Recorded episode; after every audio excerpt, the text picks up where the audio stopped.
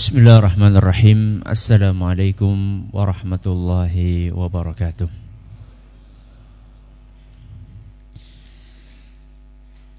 Alhamdulillahi rabbil alamin Wabihi nasta'inu ala umuri dunia wad din Wa sallallahu ala nabiyyina Muhammadin wa ala alihi wa sahbihi ajma'in Amma ba'd Kita panjatkan Puja dan puji syukur kehadirat Allah Tabaraka wa Ta'ala. Pada kesempatan malam yang berbahagia kali ini Kita kembali diberi kekuatan, kesehatan, hidayah serta taufik dari Allah Jalla wa Ala. Sehingga kita bisa kembali menghadiri pengajian rutin tafsir kita ini di Masjid Agung Darussalam Purbalingga. Kita berharap semoga Allah Tabaraka wa Ta'ala berkenan untuk melimpahkan kepada kita semuanya ilmu yang bermanfaat sehingga bisa kita amalkan sebagai bekal untuk mengharap kepada Allah Jalla wa Ala. Amin ya rabbal alamin.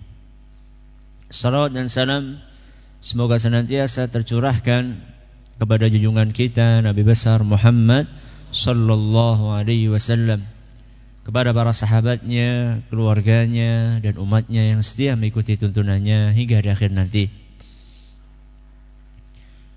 Para hadirin dan hadirat sekalian yang kami hormati, sebelum kita memasuki materi pengajian tafsir pada kesempatan kali ini, kita akan sedikit mengulang apa yang sudah kita pelajari pada pertemuan yang lalu, yaitu tafsir ayat yang kedua dari surat Al-Alaq yang berbunyi khalaqal insana min 'alaq. Ayat yang kedua ini bunyinya Allah menciptakan manusia dari segumpal darah. Ayat yang pertama Allah berfirman Iqra Bismi khalaq. Bacalah dengan menyebut nama Rabbmu yang menciptakan. Tidak disebutkan objeknya di situ. Yang kemarin sudah kita jelaskan bahwa kalau tidak disebutkan objeknya berarti menunjukkan bahwa Allah adalah pencipta segala sesuatu. Namun di ayat yang kedua Allah menyebutkan salah satu ciptaannya yaitu manusia. Padahal ciptaan Allah sangat banyak.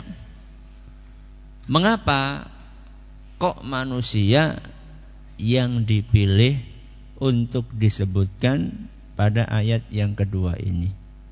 Siapa yang bisa menjawab? Silakan. Satu, siapa tadi yang di sini? Dua, tiga, empat, monggo. Yang belum pernah jawab. ya. Bagus. Untuk Ya. Bagus sekali. Silakan. Pertanyaan yang kedua proses penciptaan manusia dijelaskan oleh Allah di dalam Al-Quran secara begitu detil. Baik itu penciptaan manusia yang pertama, siapa itu? Adam alaihissalam maupun keturunannya, yaitu kulo, panjenengan, dan sesama bangsa manusia. Saya ingin ada di antara jamaah yang menceritakan proses penciptaan manusia kita. Urut sebagaimana telah kita jelaskan pada pertemuan yang lalu berdasarkan Al-Quran dan Sunnah Nabi SAW dan panjenengan tidak perlu menyebutkan ini dalam ayat berapa surat apa. Yang penting saya pengen panjenengan sebutkan secara urut proses penciptaan manusia. Silahkan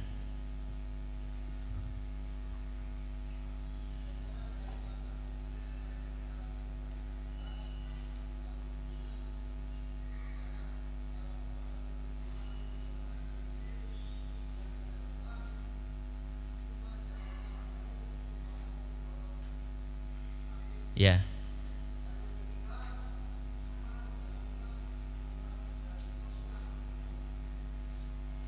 Dan seterusnya itu gimana? Panjangnya gimana coba? Pertama dari uh, setetes air mani, terus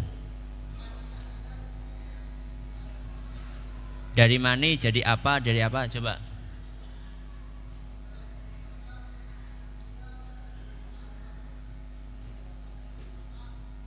Enggak, bukan Adam, bukan Adam. Bukan Adam, manusia kita, kita. Dari air mani terus jadi apa? Ya. Ya.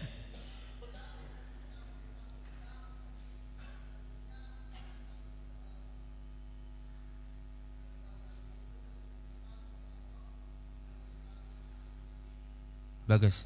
Ya, silakan.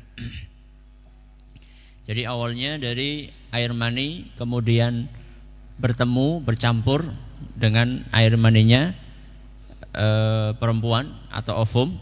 Setelah itu kemudian selama 40 hari berubah menjadi segumpal darah. Kemudian 40 hari kemudian berubah menjadi segumpal daging. Berarti 120 hari maka setelah 120 hari dimasukkan roh atau nyawa kemudian mulai ada tulang, pembentukan dan seterusnya sampai lahir manusia. Baik. Pertanyaan yang ketiga, yang terakhir. Para ulama menyebutkan bahwa fase yang dialami oleh manusia, fase kehidupan yang dialami oleh manusia ada empat. Ada empat fase. Sebutkan empat fase tersebut. Ya. Ya. Ya. Bagus. Empat fase. Yang pertama adalah fase di alam kandungan. Yang kedua fase di dunia. Yang ketiga fase di alam kubur atau alam barzah. Kemudian yang keempat fase di akhirat di surga atau neraka. Semoga kita termasuk ahli surga. Allahumma amin.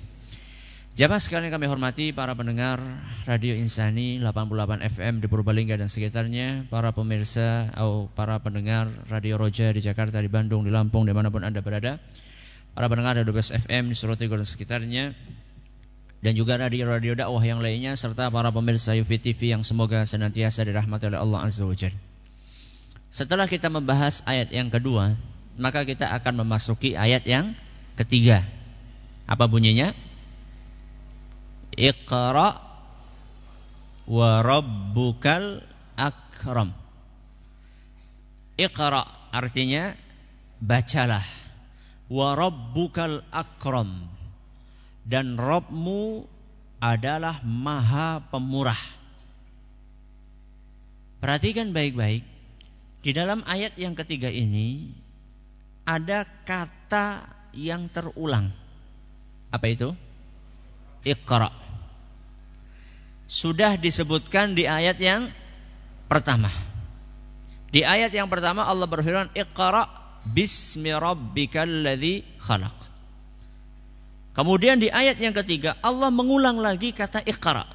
Cuman belakangnya beda. Iqra wa rabbukal akram.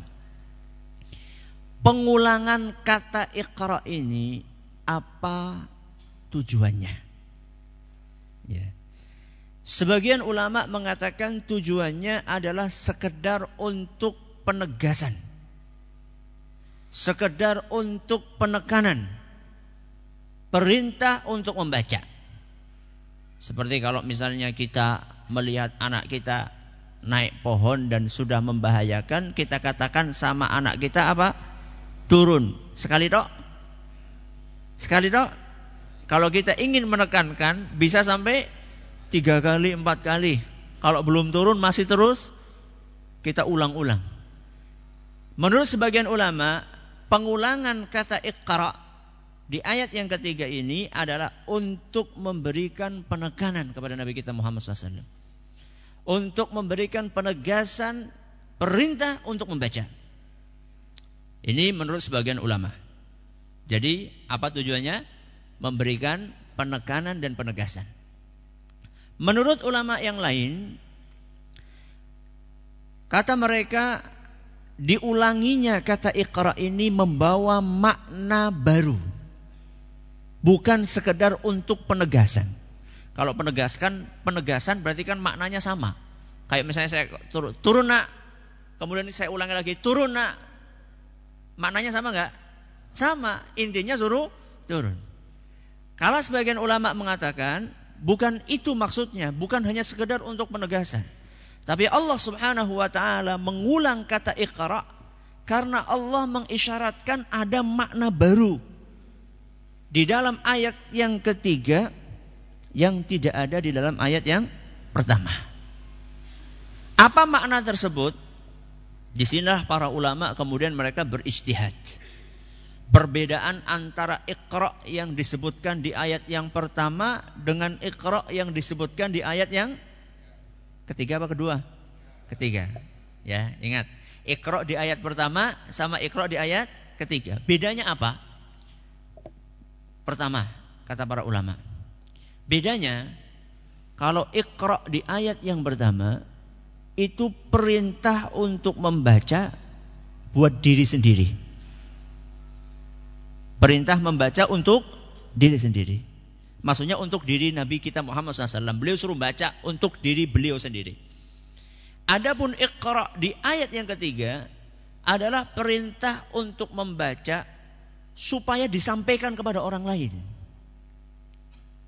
Jadi orang sudah membaca, setelah baca dia disuruh baca lagi, cuman baca yang kedua ini bukan sekedar untuk konsumsi pribadi. Tapi baca yang kedua ini merupakan perintah untuk setelah membaca yang kedua ini sampaikan kepada orang lain. Makanya dari sini kemudian kita bisa memahami bahwa seorang yang sudah punya ilmu dia harus punya kepedulian kepada sekelilingnya. Jadi nggak sekedar maca, maca, ngaji, ngaji tapi tidak memberikan manfaat kepada orang lain. Jadi kalau orang sudah punya ilmu, setelah dia membaca untuk diri sendiri, setelah itu dia membaca untuk disampaikan kepada orang lain. Makanya sebenarnya amat disayangkan seandainya banyak di antara kita yang rajin ngaji tiap hari tapi belum atau tidak memberikan warna kepada lingkungannya. Kawit mien nganti seperene, sing salat yakur tok siji tok ora tambah-tambah. Ya saya tidak mengatakan bahwa itu tidak ada gunanya, akan tetapi kita ini punya tanggung jawab. Setelah mendapatkan cahaya, kita berusaha untuk menerangi lingkungan kita. Makanya setelah dapat ilmu sampaikan. Tapi menyampaikan ini juga tidak boleh sembarangan. Urung maca wis ngomong, nggak bisa. Makanya di sini ikro baca dulu. Gak boleh di dalam dakwah itu ujuk-ujuk langsung dakwah. Ya wis modal nekat bae. Oh, bonek kuwi udah nang dakwah kowe, bonek kuwi nang kana kayak nang di lapangan bonek itu. Ini di dalam medan dakwah nggak ada bonek. Bondo nekat itu nggak ada. Harus punya bekal. Iqra, baca. Ini adalah perbedaan yang pertama yang disebutkan sebagian ulama. Jadi apa bedanya? Kalau di ayat pertama membaca untuk diri sendiri. Kalau di ayat yang kedua membaca untuk disampaikan kepada orang lain. Yang kedua, perbedaannya kata sebagian ulama, Iqra di ayat pertama membaca ketika sholat. Membaca Al-Quran ketika sholat. Sedangkan Iqra di ayat yang ketiga membaca Al-Quran di luar sholat. Bisa dipahami? Ya, jadi kalau ayat yang pertama perintah untuk membaca Iqra di ayat yang pertama adalah bacalah Al-Qur'an ketika kamu sedang sholat. Sedangkan ayat yang ketiga, bacalah Al-Qur'an ketika kamu di luar sholat. Dan ini juga memberikan pelajaran kepada kita bahwa membaca Al-Qur'an itu jangan cuma ketika sholat. Kadang-kadang ada orang ditanya, sudah baca Al-Quran hari ini? Tiap hari saya baca Quran. Tiap hari. Minimal 17 kali dalam sehari. Apa itu Al-Fatihah? Iya ketika sholat, iya, iya semuanya juga baca Quran. Orang yang nggak baca Fatihah dalam sholat ya, kalau dia mampu tidak sah sholatnya. Ya. Tapi di sini Nabi kita SAW diajarkan oleh Allah supaya beliau membaca Al-Quran ketika sholat maupun di luar sholat. Di luar sholat waktunya bebas, ya. Jadi gak mesti habis maghrib, gak mesti habis isya, tergantung waktu luang kita. Ya, ada sebagian orang waktu luangnya habis subuh, ada sebagian orang waktu luangnya habis asar, ada sebagian orang waktu luangnya habis isya, ada sebagian orang gak ada waktu luangnya. Tapi untuk baca Quran ada waktu luangnya, untuk baca Quran gak ada waktu luangnya. Masya Allah. Jadi ini yang kedua. Apa yang kedua? Iqra yang pertama baca Quran ketika sholat. Iqra yang kedua baca Quran di luar sholat. Yang ketiga, perbedaannya kata sebagian ulama, Iqra yang pertama untuk memahami kekuasaan Allah. Kita disuruh membaca supaya kita bisa memahami kekuasaan Allah. Makanya perhatikan, Iqra bismi rabbikal khalaq. Bacalah dengan nama Allah yang menciptakan. Jadi kita ini disuruh bertafakur, membaca, merenungi kekuasaan Allah Subhanahu wa taala yang telah menciptakan seluruh alam semesta ini. Jadi seharusnya ketika kita membaca, membaca, membaca, kita akan semakin mengagungkan Allah Azza wa Jalla. Ini ikra yang pertama. Membaca untuk memahami apa? Kekuasaan Allah Subhanahu wa taala. Makanya seharusnya orang semakin baca, dia akan semakin tunduk kepada siapa? Allah. Jangan seperti sebagian orang semakin membaca semakin keminter sehingga semakin banyak baca, bukannya dia semakin taat beribadah, akan tetapi justru dia semakin jauh dari agama. Soalnya merasa sudah pinter. Lah, gue sing jenis sholat kayak gue itu makome wong-wong sing urung kaya nyong. Nah, nyong gue macane wis akeh makome wis beda. Makomnya sudah beda. Kalau saya ini sudah banyak baca, lihat tuh kitab saya selemari. Selemari be. Lihat kitab saya selemari. Kamu kan baru baca satu kitab itu pun juga nggak khatam. Ini saya baca semuanya ini. Saya sudah tahu itu itu nggak perlu itu sholat itu. Nah ini Ini orang yang membaca tapi tidak menambah kei, keimanan. Jadi yang pertama adalah membaca untuk memahami kekuasaan Allah. Adapun iqra yang ketiga di ayat yang ketiga ini adalah membaca untuk memahami syariat Allah untuk memahami hukum-hukum Allah yang halal maupun yang haram. Makanya perhatikan, setelah ayat yang ketiga ini Allah mengatakan iqra wa rabbukal akram alladzi 'allama bil qalam. Apa artinya kolam? Pena. Nah, bukan ballpoint. Apa? Pena, ya. Jadi Allah Subhanahu wa taala memerintahkan kita untuk membaca, kemudian Allah mengingatkan bahwa Allah itu telah mengajarkan engkau dengan pena. Dan rata-rata syariat Islam itu ditulis dengan apa? Pena. Al-Qur'an ditulis kan? Ditulis. Hadis Nabi ditulis. Makanya perintah yang kedua ini kata sebagian ulama adalah perintah untuk membaca guna memahami syariat Allah untuk mengetahui halal dan haram, untuk mengetahui mana yang wajib, mana yang sunnah, mana yang halal, mana yang haram, mana yang makruh. Dan tentunya ini memotivasi kita untuk terus belajar. Jangan sampai ada sebagian orang itu kalau dikasih ilmu dia merasa sudah sudah apa? Sudah penuh gelasnya. Jadi merasa gelasnya ini sudah penuh sehingga kalau diisi akan akan luber. Ini bahaya ini. Ya, makanya sebagian ulama mengatakan kalau seandainya ada orang merasa ilmunya sudah cukup, berarti maaf ini adalah orang yang jahil. Jahil itu bahasa Indonesia-nya apa? Nun sewu bodoh. Kadang-kadang ada sebagai orang protes, Ustaz jangan pakai kata bodoh. Kata apa ya? Nek jahil gue kadang-kadang jahil itu maksudnya apa? Usil gitu. Kadang saya juga agak bingung juga apa kata lain dari kata lembut dari bodoh itu apa ya? Apa coba panjangan? Kata lembutnya yang bodoh apa? Orang pinter. Ah. Jadi ada sebagian orang disuruh belajar nggak mau dia, dia merasa ilmunya udah cukup. Nah, orang yang seperti ini, ya, orang yang seperti ini berarti orang yang merasa dirinya pintar, berarti dia ini sejatinya adalah orang yang maaf bodoh. Sebaliknya orang yang merasa bodoh, orang yang merasa bodoh, peluang untuk jadi orang pintar itu terbuka lebar. Nah, kenapa Ustadz? Justru kalau kita merasa bodoh itu ilmu kita akan terus tambah. Kenapa? Karena kita berusaha untuk mencari. Mencari tahu. Karena belum tahu maka mencari tahu. Ada dua. Ada orang merasa pintar, ada orang merasa bodoh. Yang ketiga parah sekali. Ada yang tahu? Orang yang bodoh tapi tidak merasa dirinya bodoh. Ini dalam bahasa Arab namanya jahilun murakkab. Jahilun murakkab itu mungkin terjemahan bebasnya bodoh kuadrat. Apa? Bodoh kuadrat. Bodoh kok kuadrat. Maksudnya sudah bodoh tapi nggak tahu dirinya bodoh.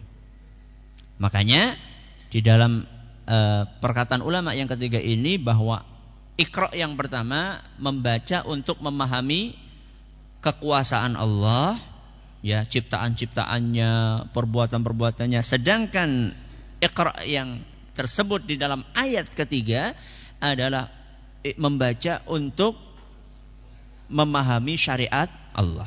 Sudah. Iqra. Kelanjutannya wa rabbukal akram. Bacalah dan Robmu adalah maha pemurah. Al-Akram, maha pemurah. Kenapa Allah subhanahu wa ta'ala ingatkan Nabi kita SAW dengan salah satu sifatnya yaitu Al-Akram. Kenapa tidak sifat-sifat yang lainnya? Ada sifat-sifat Allah yang lainnya. Ada nama-nama Allah yang lainnya. Kenapa dipilih Al-Akram yang maha pemurah? Sebagian ulama menjelaskan bahwa setelah Nabi kita diperintahkan untuk membaca Padahal posisi beliau saat itu tidak bisa baca. Masih ingat ceritanya siapa yang mendekap Nabi kita? Malaikat Jibril. Berapa kali? Tiga kali. Iqra. Nabi jawab apa? Ma'ana biqari'in. Saya nggak bisa baca. Sampai tiga kali. Kemudian setelah itu Iqra bismi rabbikal ladzi khalaq khalaqal insana min alaq Iqra wa rabbukal akram. Kenapa disebutkan warabbukal akram? Ingatlah bahwa Rabbmu itu maha pemurah. Kenapa diingatkan oleh Allah bahwa Allah maha pemurah? Supaya Nabi kita SAW tidak usah khawatir. Wahai Muhammad jangan khawatir. Walaupun engkau tidak bisa membaca. Akan tetapi Allah itu maha pemurah. Dengan kemurahannya Allah bisa membuat kamu bisa membaca. Walaupun sebelumnya engkau tidak pernah membaca, belajar membaca dan menulis. Ini kata para ulama.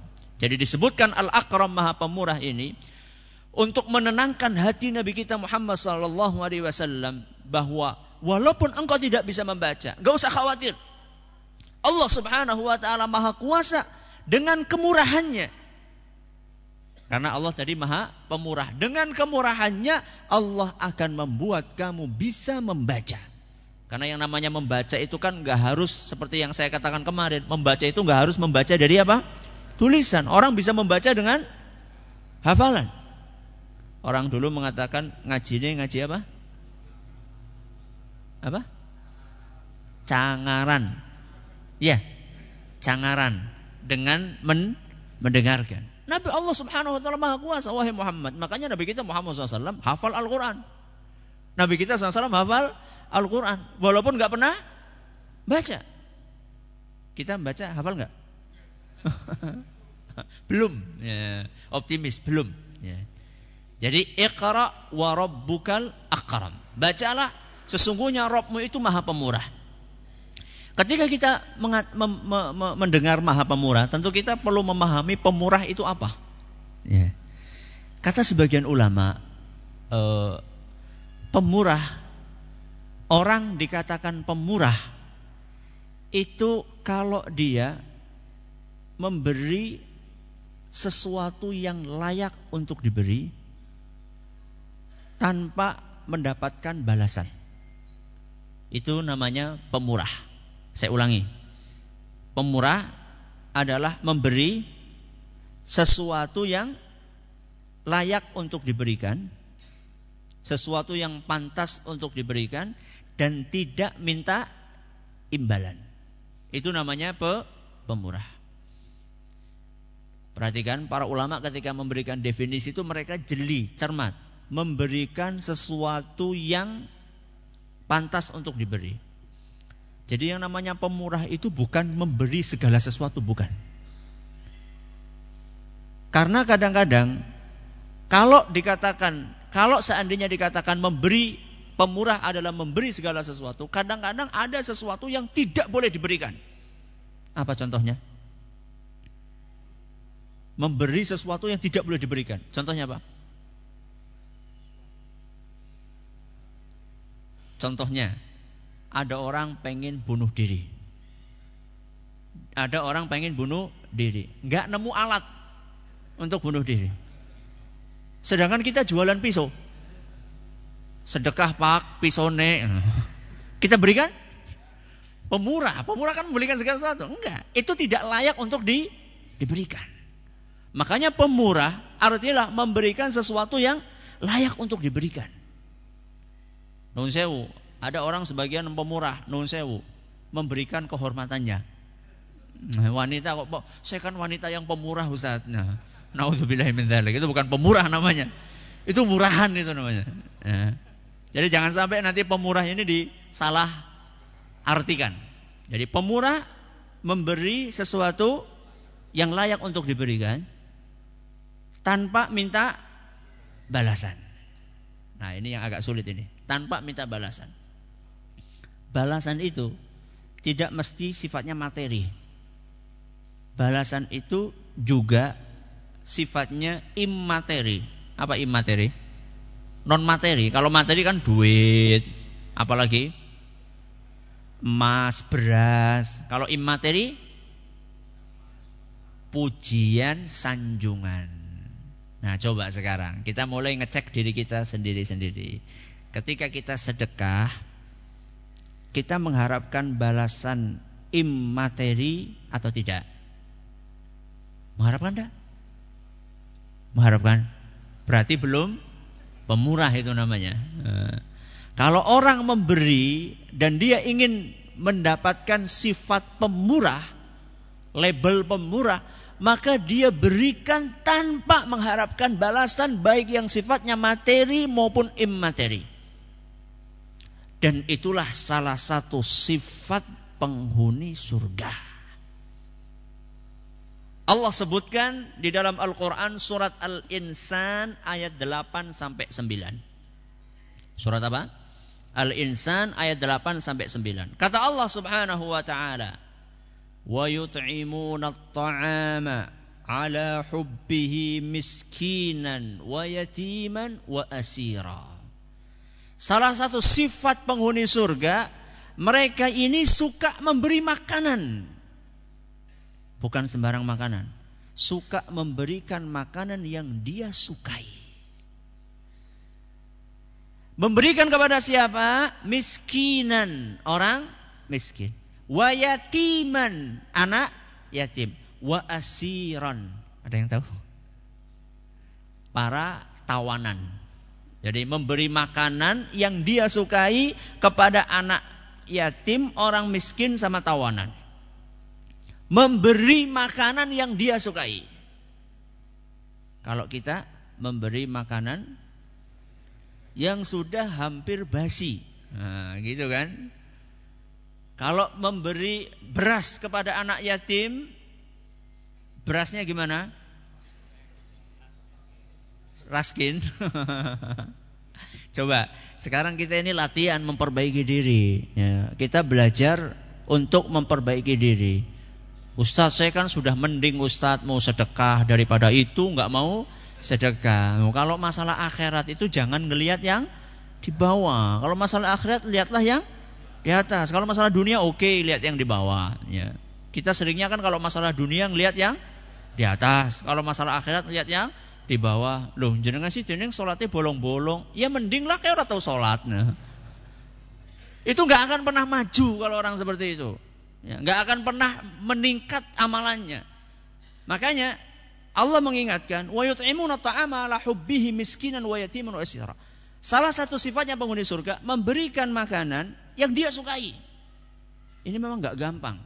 Ya. Jadi ketika kita lagi masak gulai, lagi enak-enaknya, lagi ngebul-ngebulnya itu, kita paruh. Setengah dikasihkan kepada orang miskin. Itu sip. Ya. Dan itu jarang. Rata-rata kalau kita ini masak gula ini akeh temen lah daripada daripada mambu. Diinget ya, sudah ngetan yang keberapa. Eh, itu pun bukan ngetan yang pertama, sudah ngetan yang ketiga, keempat, ya, baru kemudian dikasihkan.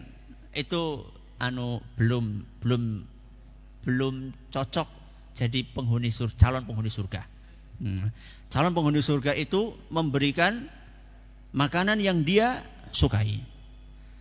Angel ya Ustaz, mulane kita latihan. Ya, kita belajar terus supaya kita insya Allah menjadi penghuni surga. Allahumma amin. Sudah. Jadi mereka suka memberi makan. Kemudian lihat. Yang dia berikan itu makanan yang baik. Tapi kata Allah apa? Innama nut'imukum liwajhillah.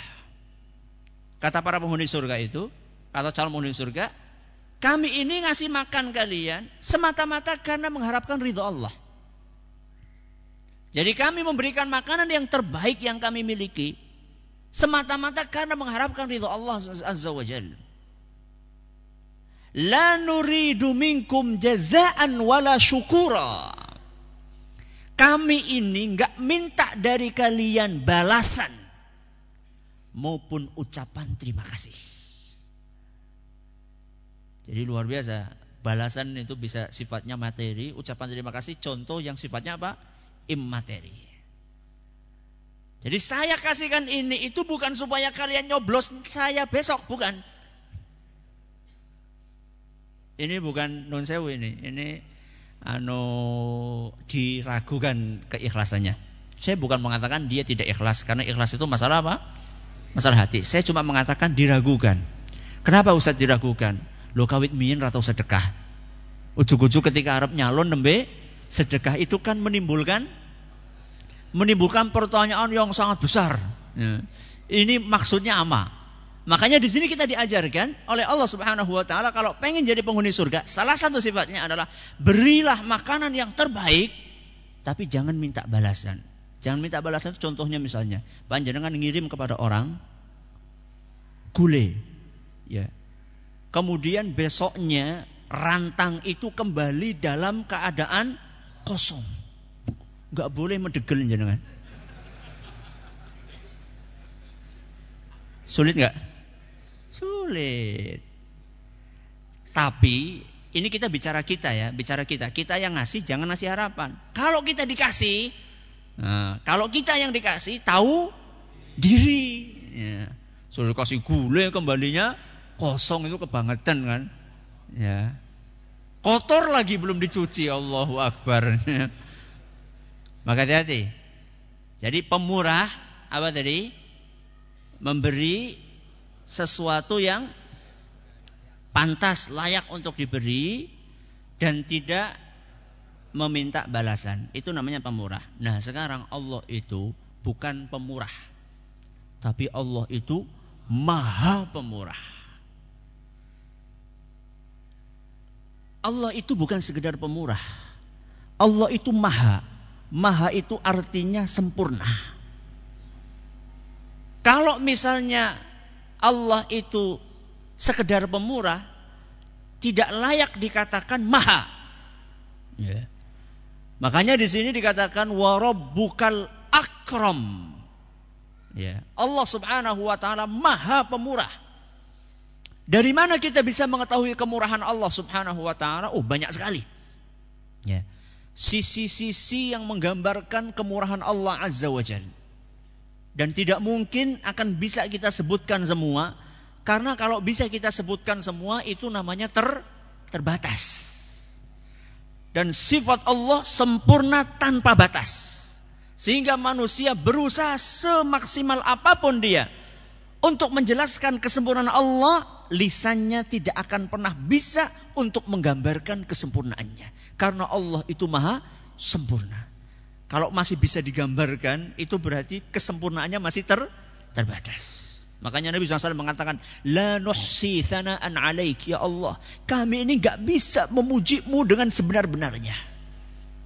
Karena pujian kepada Allah, sebanyak apa pun kita memuji Allah, tetap tidak akan bisa sepadan dengan kesempurnaan Allah.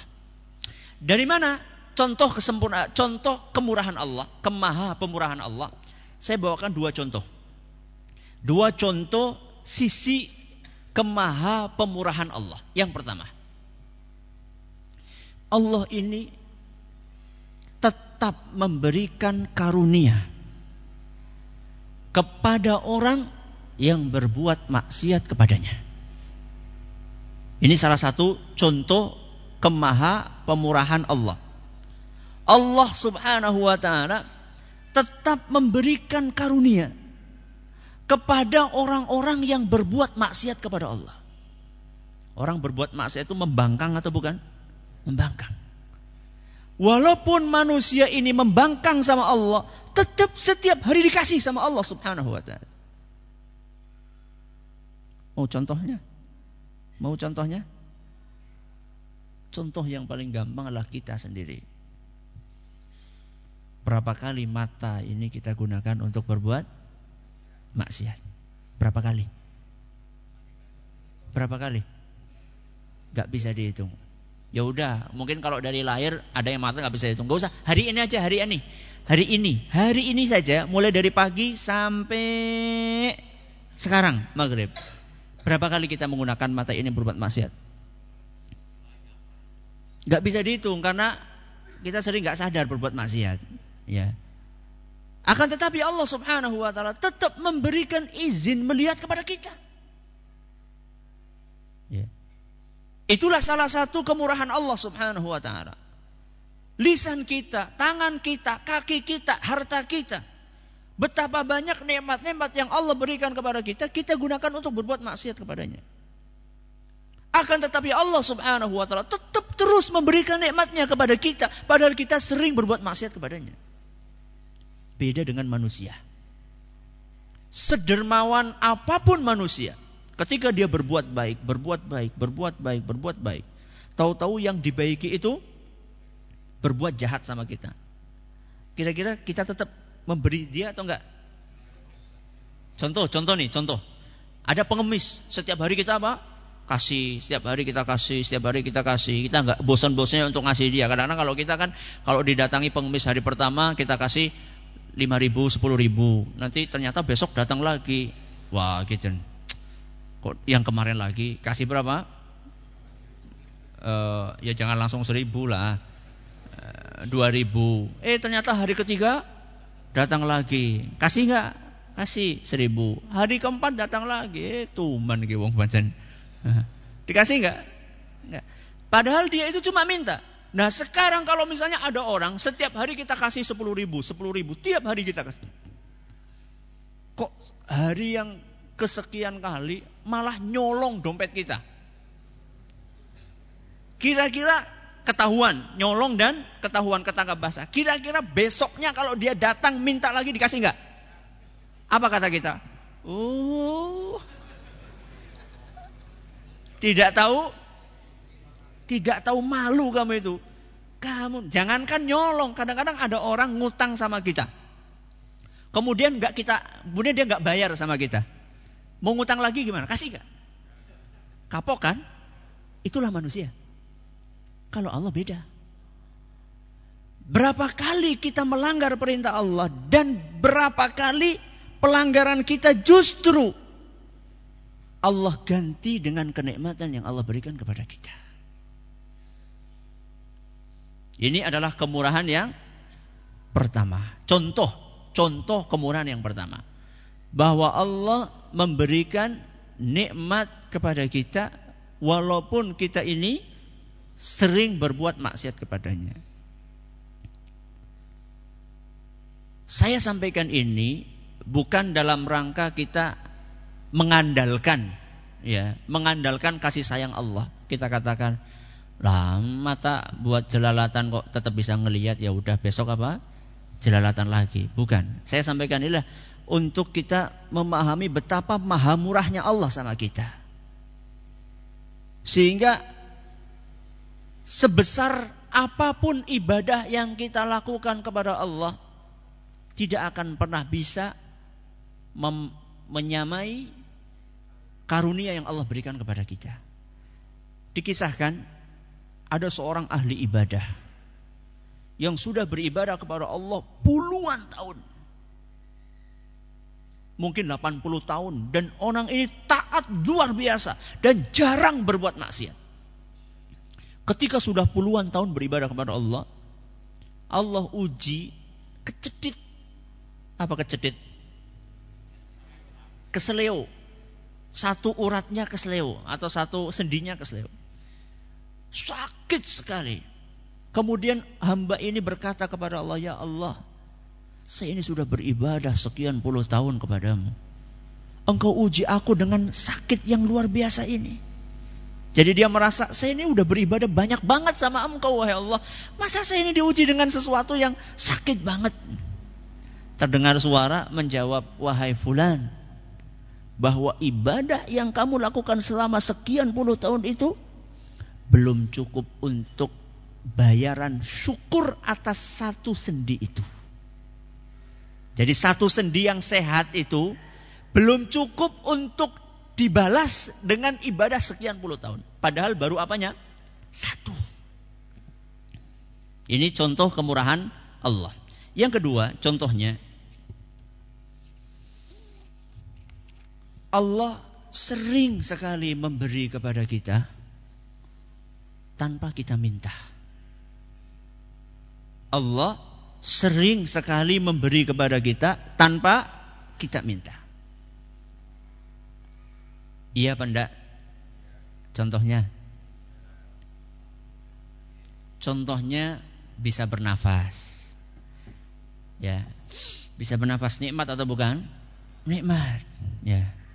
Tanya kalau nggak percaya tanya sama orang yang pernah kena asma.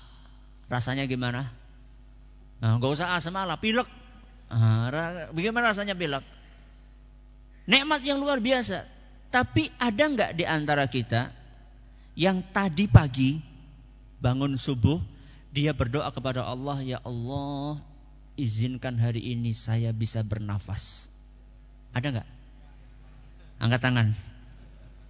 Nggak ada? Banyak loh ini yang hadir. Nggak ada satupun. Dikasih nggak sama Allah? Dikasih. Itu baru nafas loh. Belum telinga. Ada nggak di antara kita dibagi ya Allah?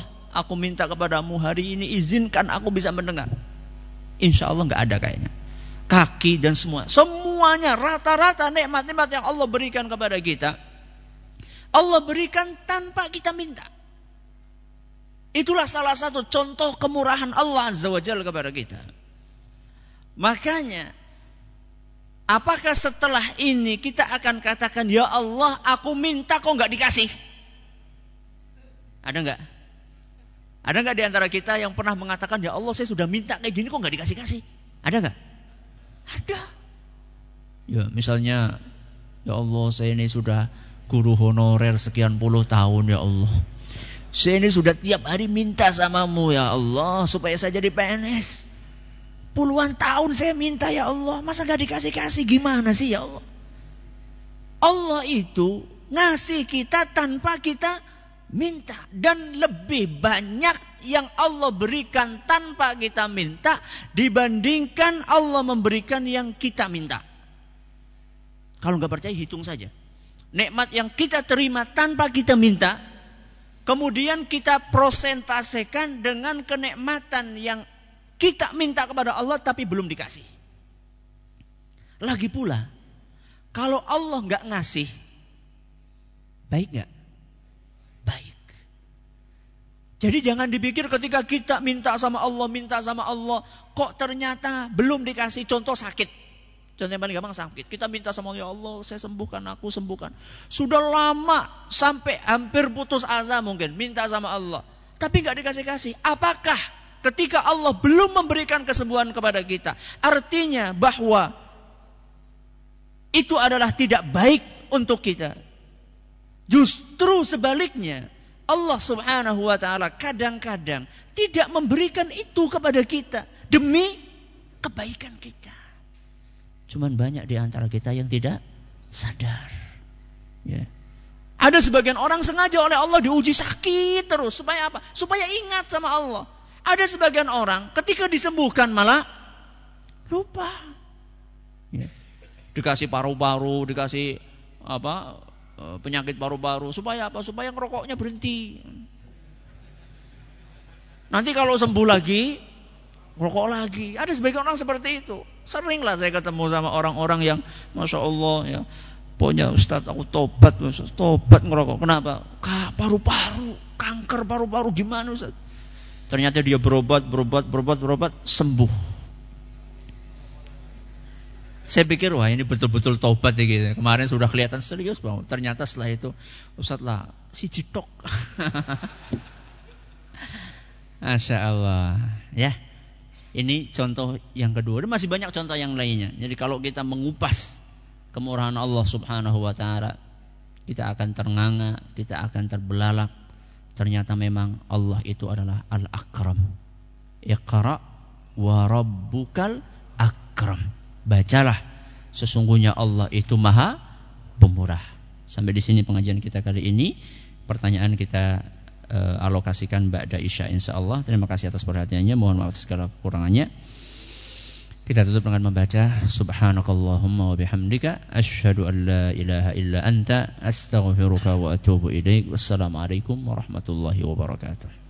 Bismillahirrahmanirrahim. Alhamdulillahirabbil alamin. Wassalatu wassalamu ala nabiyyina Muhammadin wa ala alihi wa sahbihi ajma'in wa ba'd. Kita akan bacakan beberapa pertanyaan yang sudah masuk ke depan kami. Pertanyaan pertama, Ustadz, kapan kita boleh bersumpah dengan menyebut demi Allah? Bolehkah meminta orang lain untuk mengatakan demi Allah untuk menguji orang tersebut berbohong atau tidak? Jika boleh bersumpah demi Allah, jika orang itu ternyata bersumpah palsu atau berbohong, apa adakah ancaman dosa bagi orang tersebut? kita bersumpah demi Allah manakala ada suatu kondisi yang menuntut kita dan mendesak untuk mengucapkan sumpah tersebut. Diperbolehkan kita meminta orang misalnya eh, apakah dia mencuri atau tidak sedangkan kita ragu kemungkinan dia mencuri kemudian kita minta dia untuk bersumpah Coba bersumpah demi Allah kalau kamu tidak mencuri. Boleh. Tidak apa-apa. Jadi dalam sesuatu yang tidak remeh. Ya, bukan dalam segala sedikit-dikit sumpah, sedikit sumpah enggak. Akan tetapi dalam sesuatu yang e, besar, urusan yang serius, boleh bersumpah atas nama Allah Azza wa Jalla. Kalau ber, ternyata yang kita minta sumpah berbohong, apakah ada ancaman hukumannya? Ada. Ya, itu adalah salah satu perbuatan dosa yang terancam dengan neraka. Karena orang yang bersumpah atas nama Allah kemudian dia berbohong padahal dia sudah menyebut nama Allah itu pertanda bahwa dia ini maaf meremehkan Allah dalam tanda kutip karena sudah berani menggunakan nama Allah untuk berdusta. Bagaimana cara membedakan orang yang mencintai lawan jenis yang terkena sihir dengan yang mencintai karena Allah? Kalau mencintai karena Allah itu e, pertandanya adalah semakin bertambah manakala orang yang dicintai semakin taat kepada Allah.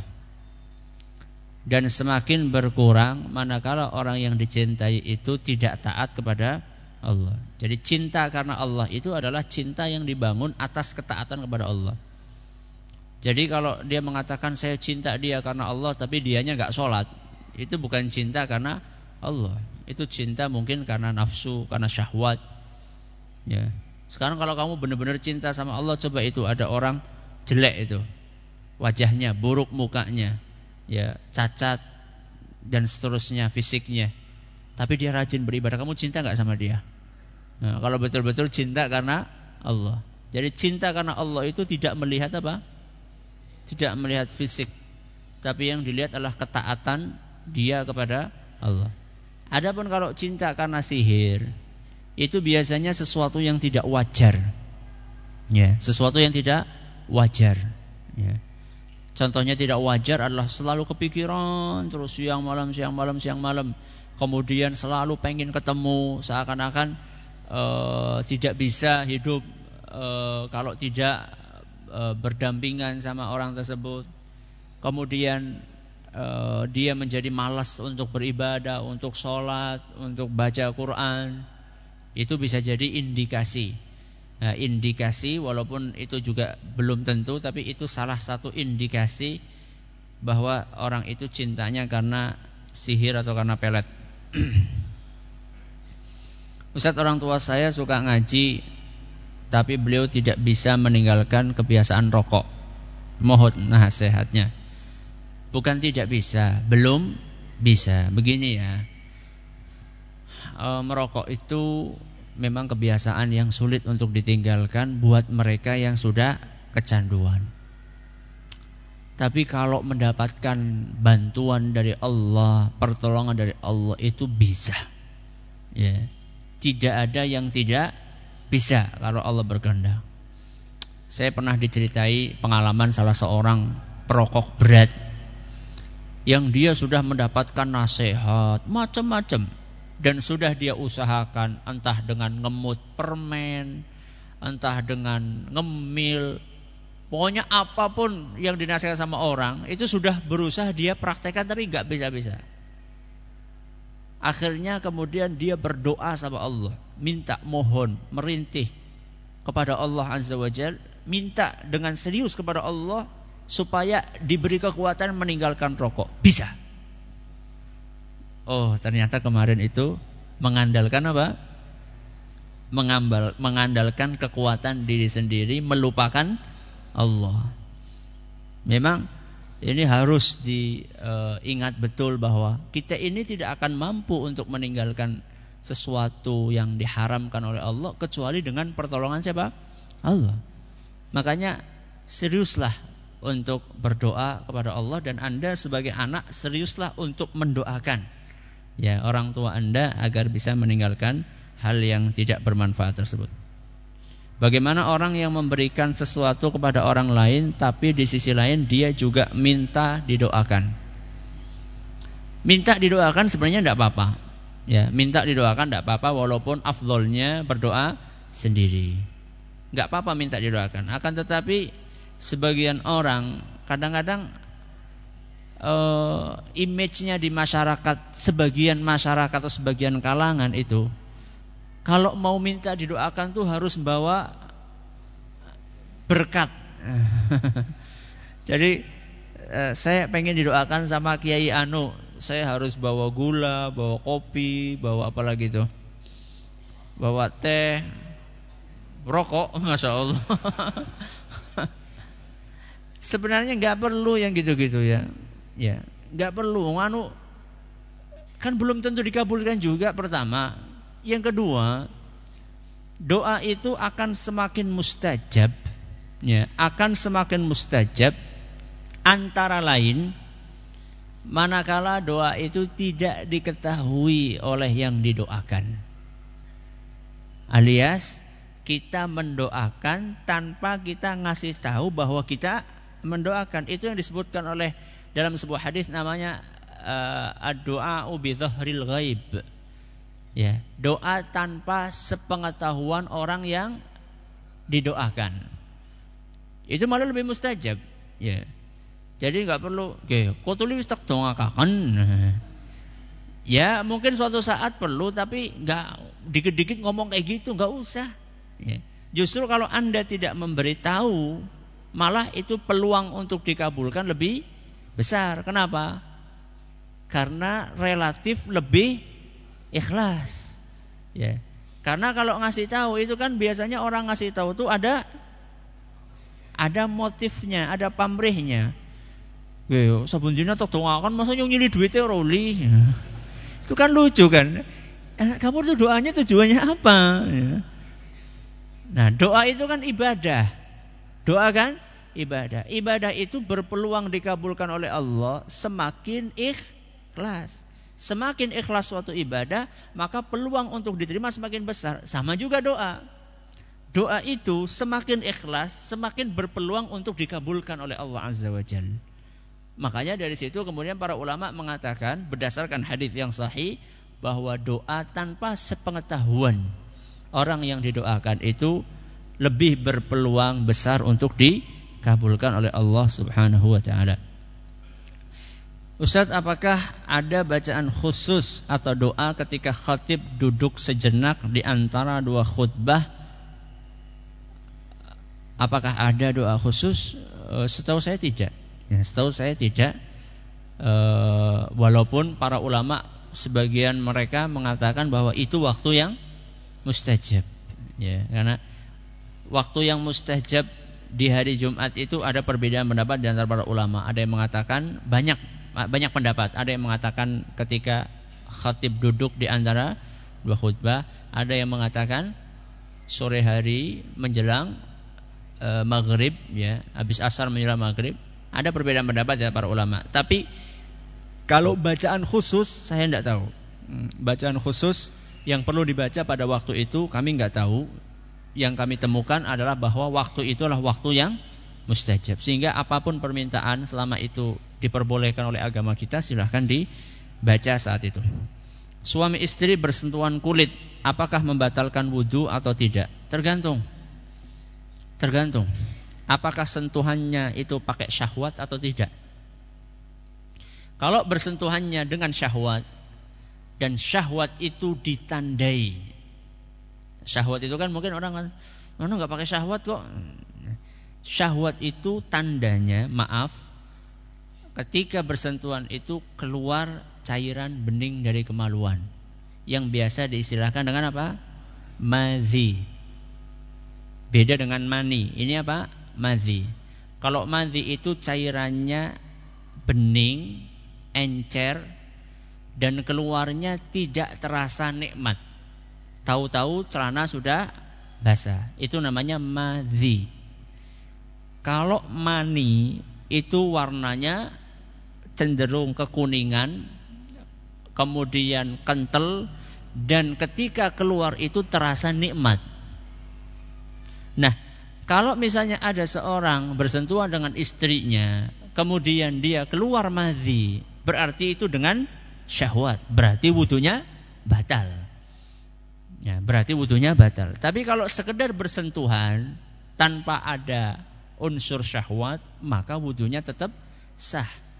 Makanya disebutkan dalam beberapa riwayat bahwa Nabi SAW pernah suatu saat setelah berwudu sebelum pergi ke masjid beliau mencium istrinya Aisyah baru kemudian berangkat ke masjid ya tanpa berwudu lagi berarti itu menunjukkan bahwa bersentuhan dengan istri seandainya tanpa syahwat maka tidak membatalkan ciuman gimana Ustadz Ya ciuman kan macam-macam. Ya. Sewu ini, ini rata-rata sudah pada nikah toh. kalau cium tangan masa pakai syahwat ya, insya Allah enggak. Kalau cium apa? Tangan. Tapi kalau cium dari mulut ke mulut, nah itu yang kadang-kadang uh, agak sulit untuk untuk tanpa syahwat. Itu agak sulit kalau tanpa syahwat. Ustadz menyikapi fenomena pengemis kaya pada saat ini, apakah kita memberikan uang kepadanya mendapatkan pahala padahal di satu sisi dia tanpa ada kebutuhan dan dia lebih kaya dibandingkan kita. Kalau kita tahu dia kaya dan meminta-minta tanpa kebutuhan, maka nggak usah dikasih. Tapi jangan membentak. Tapi jangan membentak karena Allah mengatakan dalam Al-Qur'an wa ammasaila fala tanhar.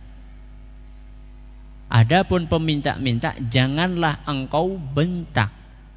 Gak ngasih ya sudah gak ngasih. Kalau kita tahu ya, kalau kita tahu persis bahwa wah aku tak ngerti kayak aku tahu buntuti kayak jebule umai gedung.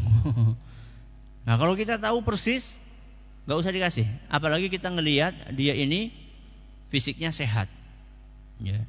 Kalau orang mau minta-minta karena dia tidak butuh, bukan karena terdesak kebutuhan, maka orang yang seperti ini dikhawatirkan pada hari kiamat akan datang dalam keadaan mukanya tidak ada dagingnya. Ya'ti yaumal qiyamah wa laysa alaysa ala wajhihi muz'atu lahmin Kata Nabi SAW, orang-orang yang suka meminta-minta tanpa kebutuhan, pada hari kiamat nanti akan datang dalam keadaan mukanya tidak ada dagingnya, alias mukanya muka tengkorak pada hari kiamat nanti. Itu kalau dia nggak butuh. Kalau butuh, insya Allah tidak apa-apa. Usah sekarang kita nggak tahu. Nah, kita nggak tahu orang ini butuh atau tidak pakai prediksi saja orangnya masih sehat atau tidak. Kalau misalnya orangnya kelihatan sudah tua renta atau cacat, muda tapi cacat, kasih saja. Kalau dia pura-pura Ustaz. Ya, kalau dia pura-pura antara dia dengan Allah. Ya. Ternyata kita kasih, ternyata dia orang kaya, kita nggak tahu sebelumnya. Kita sudah dapat pahala. Yang dosa siapa? Dia. Yang dosa adalah dia antara dia dengan Allah Subhanahu wa taala. Sampai di sini uh, tanya jawab kita. Allah taala ala wa alam. Kita tutup dengan baca subhanakallahumma wa bihamdika asyhadu an la ilaha illa anta astaghfiruka wa atubu. Assalamualaikum warahmatullahi wabarakatuh.